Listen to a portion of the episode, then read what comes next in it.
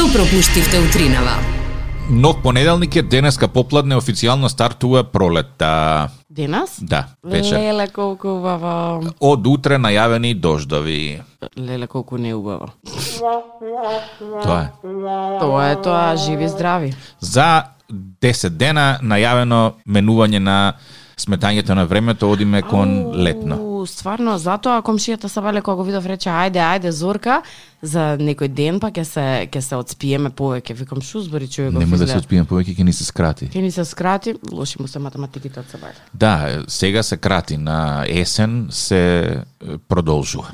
Ти како си? Како го помина викендов? Каде беше? Добро, Што викендов правеше? малку работно, кој слушаше вчера Радио 2, ме слушна и мене рано од Сабајле. Се му обетев, ме си работевме работен викенд генерално. Добро, не сум имал такви одамна. Јас патував, патував, патував и патував. И Тоа мене ми се стаса? во Скопје. Стаса? Да, е. Ја така утринава патував, Патував, патував, патував. и Стаса во Скопје. оп, Стасав тука.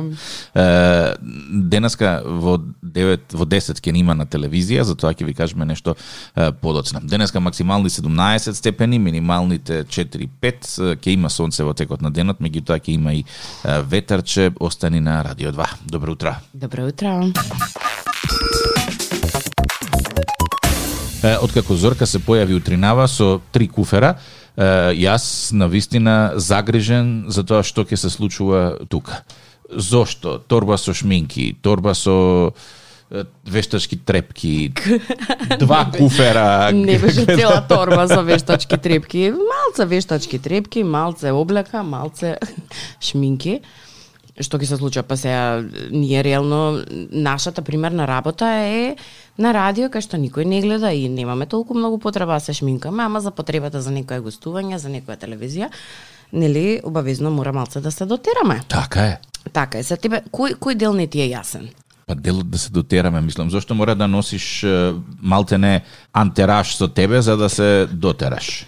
Па заради тоа што таму во тој антараж е, твојски кажано, што не знам што значи, е, има секакви разноразни продукти кои што една жена ги користи за да го подобри својот изглед, да избриша некоја година од незиното лице, умрот од вчерашниот ден, да покрие е, неспани 2-3 сата, кои што би требало да ги одспие за добро да изгледа и така натаму. И тоа не го правам само јас, тоа го прави секоја една жена. Има жени кои што ги гледам бре на работа доаѓаат на шминкани како за диско. И си викам добро ова за да во 7 изгледа како во диско, дали нема преспано и шминката и од вчера или има станото во 5 за шминката во 7 да ја тазе. Е, има станата во 5 за шминката во 7 да ја тазе, Е ќе па ти која е сатисфакцијата тоа да го правиш секој утро? А една жвака и тоа ми е тешко да го правам. А замисли секој сабале да треба да го правиш. Или замисли во колку саат почнуваат со спремање девојките кои што треба да бидат готови да излезат во 9. Значи легендата вели дека некогаш на времето во МТВ спикерките на вести доаѓале на работа 3 часа пред вести за да во одделот за шминкерница се нашминкаат и изгледаат онака како што е, изгледа кога ќе се вклучеше камерата Зорке. Многу сум срекна што сме на радио. Нели тоа е една од предностите која што Еве јас тоа нашиот си медиум ја има. Да, еве јас тоа си размислувам и си го враќам филмот наназад, кога сме биле помлади да речеме и договорено време и зборно место е во 9. Добро. Ти треба да дојдеш во 5 из бањата со тази измиена коса, до 6 6 и пол некаде пеглаш коси, виткаш коси, дотеруваш, па од 6 и пол некаде правиш нова тура кафе, па од 7 седнуваш да се шминкаш, за да во 8 и пол се премислиш за тоа што ќе го носиш да облечеш нешто друго и во 9 и 15, максимум 20 да бидеш на зборното место кое е предходно договорено во 9. Добро и, е, Тоа тоа да ти не доцниш, цел- така? Ма не, не можеш да не доцниш. Значи, фора си даваш од 9 до 9.30. Е, сигурно и она ќе касни, она никогаш не касни, чека сирота таму мрзне. Меѓутоа, сакам да ти речам дека да. И сега тоа ми е мистеријата. И тоа не било убаво. Сега кога се сетам наназад, тоа беше најбавиот дел од излегувањето, додека се дотераш. Добро. Па со очекувања, па вака ќе изгледам, па така ќе изгледам, па ќе утнеш минката, па бриши, па не знам од каде потребата за оволкава кеса шминки. Е, од каде потребата? Општо не само потребата за утринава, туку секогаш мажите се е, визуелисти, сакаат да гледаат, сакаат да бидат да да, да, да видат убаво, нашминкано, дотерано. Додека па друга страна, очигледно жените немаат проблем толку многу со физичкиот изглед на мажите. Не, апсолутно мислам. Јас се појавувам на телевизија облечено онака како што сум сега тука. Па што погледот Зорке, реакцијата. Имате, сум таков. Е, Ке се дотераш. ке Како не, ќе се дотерам. Гатанки денеска, колку е резултатот од минатата недела? Не можам да се сетам. 4 2 5-2. 4-2 за мене. Не знам. Да. Ај некој ако се сеќава да ни пише, мислам дека беше 5-2 за тебе, а може би Не, не, ти 5-3. победи 4-4-2 е. 4-2? 4-2 е. Со сигурно знам дека е 4-2 за мене и тоа е тоа. Знаеш што сум забележала и на работа? Луѓето многу сакаат да играат со тебе разноразни игри ако ти губиш. Ама кога победуваш, Ама кога победуваш не се заинтересирани да играат понатаму. Еве ти си пример, колегата исто така е пример, значи секогаш кога губиш во одредена игра, луѓето се заинтересирани да играат со тебе секогаш и секогаш. ама Ама ако ги победуваш, тоа го повредува нивното его и не сакаат повеќе да играат. Не ги носам картите, не ми се тука коцките. На равоучение? Немам, па ако сакате да ве сакаат, губете. Видиш, ова треба да се додаде во она е, животна книга на мудрости како што беше за да просперирате на работното место согласност. Да, да, во право си, во право си, во право си. Значи ова е новата лекција, новата лекција вели Лекција број 2 Да. од прирачникот е, издание прво на Тик-так и Зорка на тема како да успееш во животот. да. За да им бидеш интересен на другарчињата, постојано губи. И нема да имаш проблем, секогаш ќе те викаат за игра. Например, еве овие што играат PlayStation, боли пари, не знам што. Мислиш дека го викаат тој некој од другата спротивната страна затоа што е исто јак како нив? Не, бре, знаат дека тој губи ке плаќа, ке ке купува чоколади или таму во што и да се кладат и се разбира дека го викаат. Никој не сака Кога да викне бев- некој и да да изгуби од него. Кога бев мал, најголема финта беше да играме билиард и кога игравме Леле, билиард беше она да да се преправаш дека не знаеш, па некој да ти каже ајде играме и после тоа да ги скинеш. А јас по Оу. филмови многу често имам гледано како женски не знаат да играат билиард, па мажеве секогаш кавалери, јас ќе ти покажам драга. А, за да ја фати за половина. Па не знам дали да ја фати за половина, Да, појма да, нема, да, ама да, никогаш не ми изгледаше тоа толку симпатично. Сакаш ја да те научам билиард да играш? Не, не мора и вака можам да продолжам да живеам во животот. Ема да, големо Ама задоволство. кој ти рече дека ја не знам да играм билиард? А сам пред малку рече јас тоа никогаш не научив. Па јас го користам твоето правило. Се правиш дека не знаеш, да, а да, всушност да, да. на крај да. Пошто инаку нема да сакаат луѓето да играат со тебе. А друга категорија на многу интересни соиграчи се оние кои што викаат леле, ќе изгубиш, ова ќе се случи, она ќе се случи, на крај кога седнеш, онака што ама. Па кај се твоите способности беше ги фалеш? А ги нема. Ги нема. Значи јак на уста, слаб во раце, а? Сега некако Како мора да се некако мора да се манипулира со ситуацијата, Зорке, да. не, мој така. Така да, еве, научивме, ако сакате да бидете другарче кое што ќе го покануваат сите на своите случувања игри, ве молам, потрудете се да изгубите.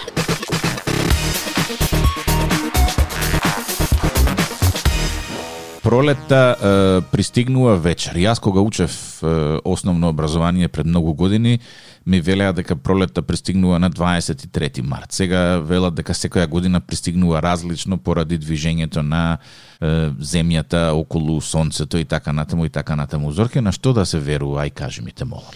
Да се верува на оно што најмногу ти одговара. Гледам дека во последно време сите се веруваат во тоа што им одговара. Не е важно дали црното е црно, белото е бело или црното е бело или белото е црно, битно е дека кој како му одговара во тоа си верува. И луѓето гледам се посрекни и посрекни. Во одредени сегменти не е глобално вака целосно, него срекни си се си веруваат во тоа што сакаат да си веруваат. И не случајно ти кажав дека луѓето се срекни, денес е националниот ден на среќата.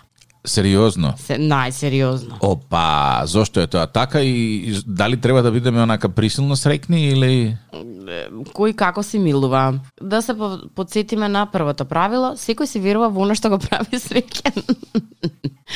така што мислам дека ти одговорив убаво на прашањето. Инаку исто така на денешен ден а, уште две работи се празнуваат интернационално, а тоа е националниот ден на свршеникот или свршеничката и националниот Ова е- ден на ова е-.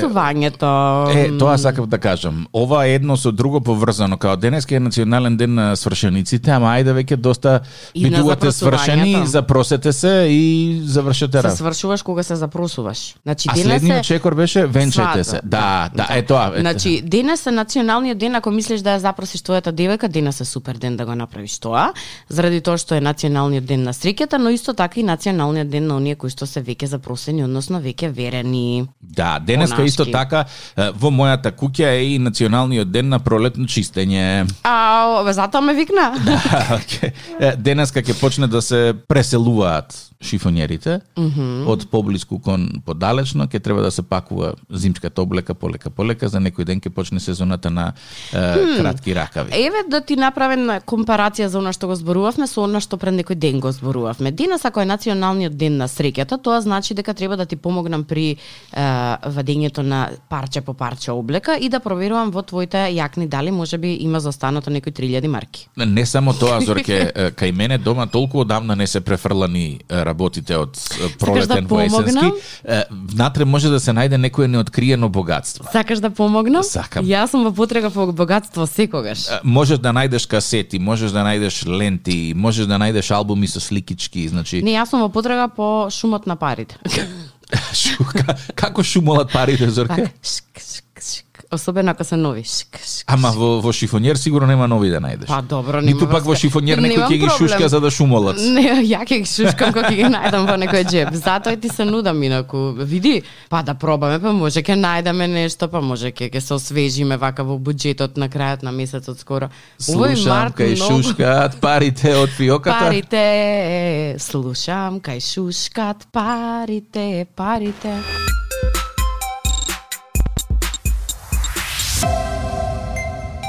Доколку се возиш низ Скопје, да знаеш дека пуштена е за сообраќај улицата Митрополит Теодоси А, Гологанов. вчера беше затворена, да. ја имаше. ги црта лентите.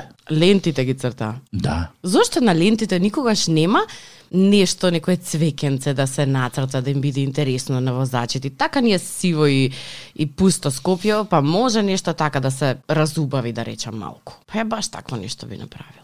Да направиш, Зорке. Да направиш, да нацрташ рупички. Може тука со трнја. Некогаш овие е, идеи кои што ги имаш ти се малце е, чудни. За, за, за странети? Да, да. Друго нешто мене ме интересира. Дали денеска ќе се замрзнат јајцата? Цената на јајцата, се извинувам.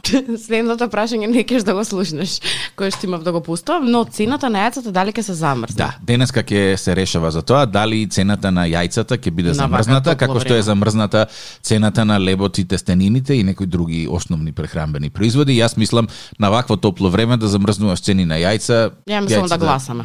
За. За. Па нека Со се 2-0 ги замрзнавме цените на, на јајцата. Апелираме да бидат замрзнати цените на јајцата. Добро, сакаш да ми кажеш дека цената ау па пред Великден сме, уште малку Великден ќе дојде. Па да, некаде во април. Па добро, ако се замрзнати цените на јајцата, претпоставам дека се друго ќе скокне угоре, како и секоја година. Па да, посебно јагнешкот. Тоа, тоа, па не, не станува збор. Боите за јајца, јајцата. Немам одамна фарба. Илани не правеше јајца. Не правеше јајца. Не. Се надев дека ти ќе направиш неколку за мене, ама не направи, така да Надежта последна умира. така е, така. Излегуваат од мода велиш? Не, друго сакав да ти кажам. А, веќе во супермаркетите, во поголемите супермаркети, можеш да најдеш соодветна боја за јајца. А, право да ти кажам, многу математика има таму. Треба да ја погодиш бојата со соодносот со какви ќе бидат јајцата. Една година ми излегоа джиш црвени, тоа е една убава боја, што ти кажувам. Една година модри. Една година како со водени боички да сум ги фарбала, а производителот на боја беше ист. Сакаш да кажеш дека е до бојата на јајцето? Па мислам дека и до бојата на јајцето и до бојата која што ја купуваш. Какви јајца користиш најчесто? Оние боја на кожа или бели? Не, бели. Бели, во смисла дека сигурна сум дека потемно црвени ќе излезат, онака убаво црвени како што е и секоја година. И права да ти кажам, има еден момент, ама тој рано е да го дискутирам, иако би го начнала.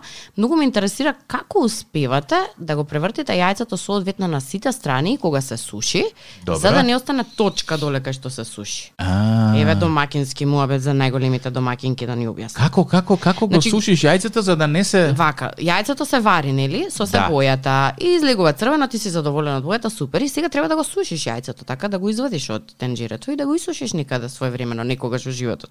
Да. Е сега, најчесто еднаш имам пробано со а, хартија салфетка да ставам од оздоле и салфетката ја упи бојата и од оздоле беше требаше да го сртиш со Ба, бела, да, да. Да.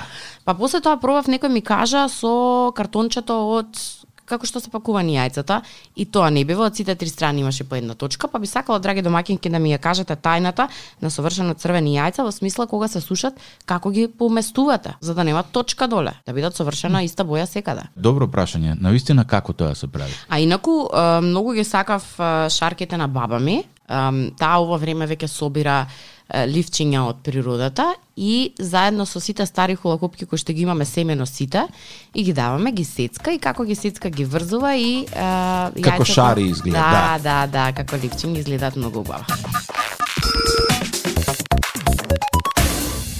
Како предпослед, всушност последен а, ден од зимата, не знам вчера дали имаше можност да го видиш небото. Не. Конечно, ведро небо со сите звезди на него вчера, после не знам колку време, скоро да имам заборавено. Мислам дека луѓето кои што живеат во помалите градови или евентуално по- малку понадвор од Скопје имаат можност почесто да го видат небото такво, но ние овде некако тешко ни е да го видиме баш онакви звезди. Многу беше убаво вчера. Е беше многу пријатно како за последен ден од зимата. Да. Е сега, она што можам да ти го кажам со сигурност е дека листав пред некој ден стари сториња и објави од години години наназад и секогаш ни се случува после вакви убави пролетни денови да падне снег. Првиот и да. последниот. Да, да, да. И знае да изненади вон сезонски. Лани или прихлани знам дека е, не 2018 првиот и последниот снег во зимата падна кон крајот на месец март. Година Да. дена после тоа не сум сигурна дали падна, не можам да се сетам. Е, меѓутоа 2019 снег со сигурност падна на 1 април. Добро. Тоа беше тој што излезе Што? по видеата што наводно се палеше снегот. А, а, а, Исто како тие портокалите со сида, исто така. Од тие приказни беше.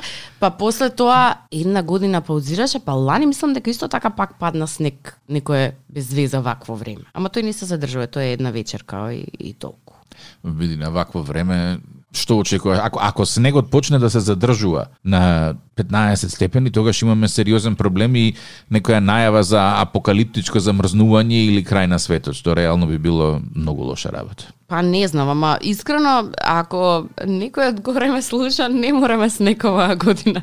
Може да нас скокне. Иако гледа фотографии од е, Германија и нагоре некаде каде што имаат снег и тие се многу срекни. Меѓутоа јас не би била баш најсрекна да има снег.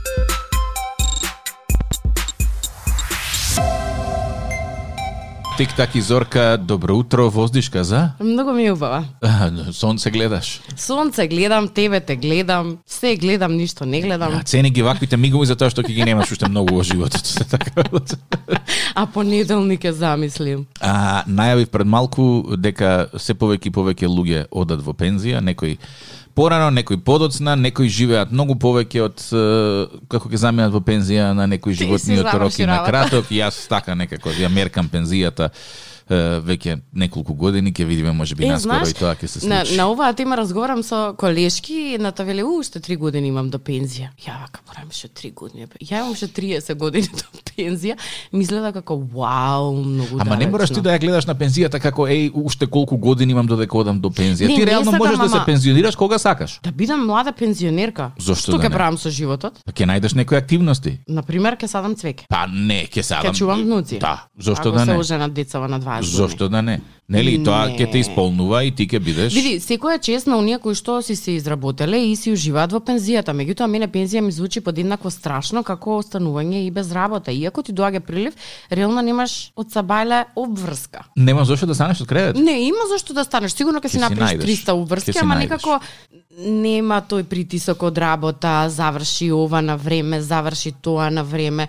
уживаш во животот. Иако може би за 30 години точно е тоа што ќе ми треба, ама сега некако ми е страшно еве да замислам една недела да сум во пензија сега. Мене па ми е страв да одам во пензија затоа што ми е страв колку по пензијата уште ќе живеам. Знаеш, на пензија се асоцира со старост, староста се асоцира со доаѓањето на крајот и викаш чекај сега. пример, еве татко ми многу различно го прифати фактот. Отиде во пензија, па тоа е со торти, со чуда, со со се. Жив среќен во пензија одам. Мене ми е тоа многу страшно ми звучи. Ама ку знае за 30 години како ќе ни се размислувањето. Е, некаде да отидеш во пензија и да си тераш 10, 15, 20 години во пензија, супер. Ама 30, што правиме ако 35. м, само неколку години останеш во во пензија? ОЕЦД направило едно истражување во светски рамки во соработка со Светска здравствена организација и ги измерило бројот на просечни години кои што едно лице може да ужива во пензијата со оглед на стапката на смртност. И дошле до заклучок дека во Јужна Африка мажите во просек поминуваат само две години во пензија. После ги јадна лав во Африка. Не. Значи, после настапува смртта. Во земји како Полска, Унгарија, Бугарија, Романија, Литванија, Летонија и Русија, Аргентина и Мексико, мажите во просек поминуваат околу 10 години во пензија. Па кратко, ама многу подобро од првиве во листот. Е сега пази го следново. Во Исланд, Израел и Норвешка е, возраста на пензионирање е 67 години, Ту, а очекуваниот животен век е 82, што значи дека во просек мажите тука поминуваат 14 години во пензија. Тоа е добро, ама кажи ми, ова се ова е направено истражување на луѓе кои што цел живот таму си живееле или вака може на 30 и некоја година да одиме да па да проживееме. Цел живот таму си си живееле. Во Јужна Африка жените поминуваат помалку од 10 години во пензија, со просечен животен век од 68 години, а возраст за пензионирање од 60 Тоа е години. многу кратко. А следни се Мексико и Индија, каде што жените поминуваат околу 14 години во пензија. Ти ги види таму колку се жилови жените, а тоа се намачени жени во Мексико и во Индија. Е, потоа следи Саудиска Арабија. Колку е просекот таму? 15. 26. И, значи, јас кога се пензионирам, сакам да одам во Саудиска Арабија. Да, затоа што во Саудиска Арабија ќе се пензионираш на 47 години. Што значи дека јас веќе сум во пензија таму. А јас сум многу близко до пензија, но е, 14 години. Ау, си одземав години, добро. А, во некои земји а, може да се пензионираш кога сакаш. Например, Канада, Финска, Норвешка, Шведска и САД. може ли кај нас да се пензионираш кога сакаш? Е, Кај нас, за да добиваш пензија, Добро. треба да имаш минимум 15 години работен стаж и да си на возраст од 64 години. Не, ама еве на 40 да речеме, да речем стоп до тука. Ми веќе не сакам да работам, имам 15 години работа позади себе. Дали можам да се пензионирам? Да, ама до 65 години нема да ги добиваш парите од пензија. Па како тогаш ќе се пензионирам? Јас само ќе престанам да работам, значи нема да, се пензионирам. Значи се е тука до семантиката.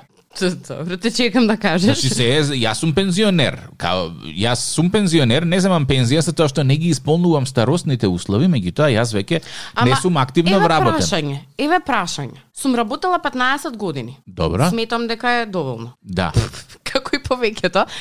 И сакам да се се пензионирам. Зошто? Па не, не сум се преработила. Еве ти си правиме моабет така и сакам да се пензионирам. Добро. Зошто да не можам да земам пари? Па затоа што Зошто мора да има старосна граница? затоа што парите кои што ти си ги плаќала во фондот за пензиско и здравствено, Не се доволни.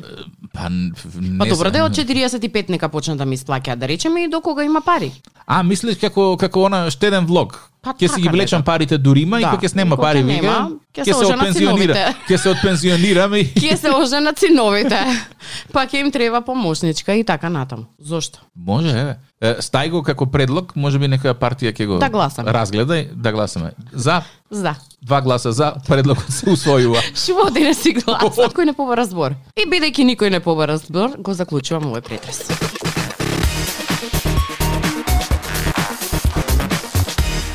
Слушател на линија, како си утринава? Понеделнички малку згазено, ама убаво.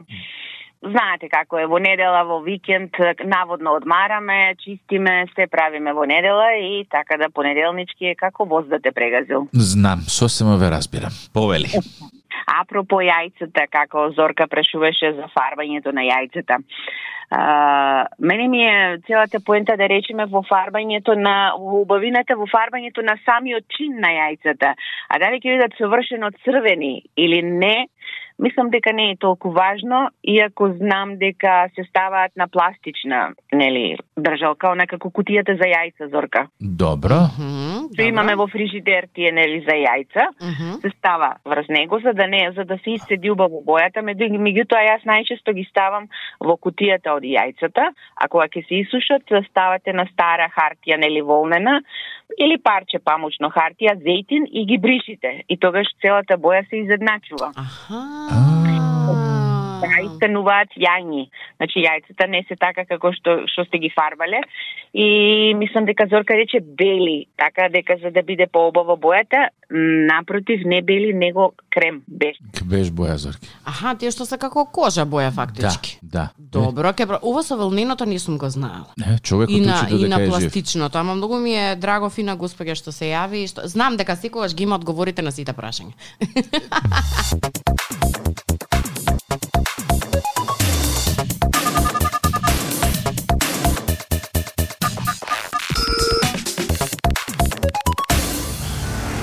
Време е. Ајде. Оваа недела ти поставуваш гатанки. Така е. Дали си Време. спремна? Секогаш спремна.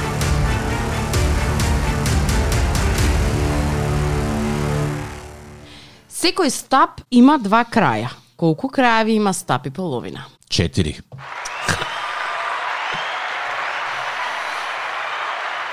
Добро. Заслужено. Не може никад никаде фацата да му види задоволна и срекина. Може? Може. Ме прават од гума, а ме носат со себе за да спречам несакани грешки. Што сум јас? Гума за бришење. Демонстративно Зорка го напушта објектот. Резултатот е Да се истепок тука. резултатот е 5 спрема Два. 2. Се што те прави среќа. Толку. На Радио 2, секој работен ден од 7.30. Будење со Тик-так и Зорка. Во случај на неконтролирано смеење и симптоми на позитивно расположение, консултирайте се со вашиот лекар или фармацевт.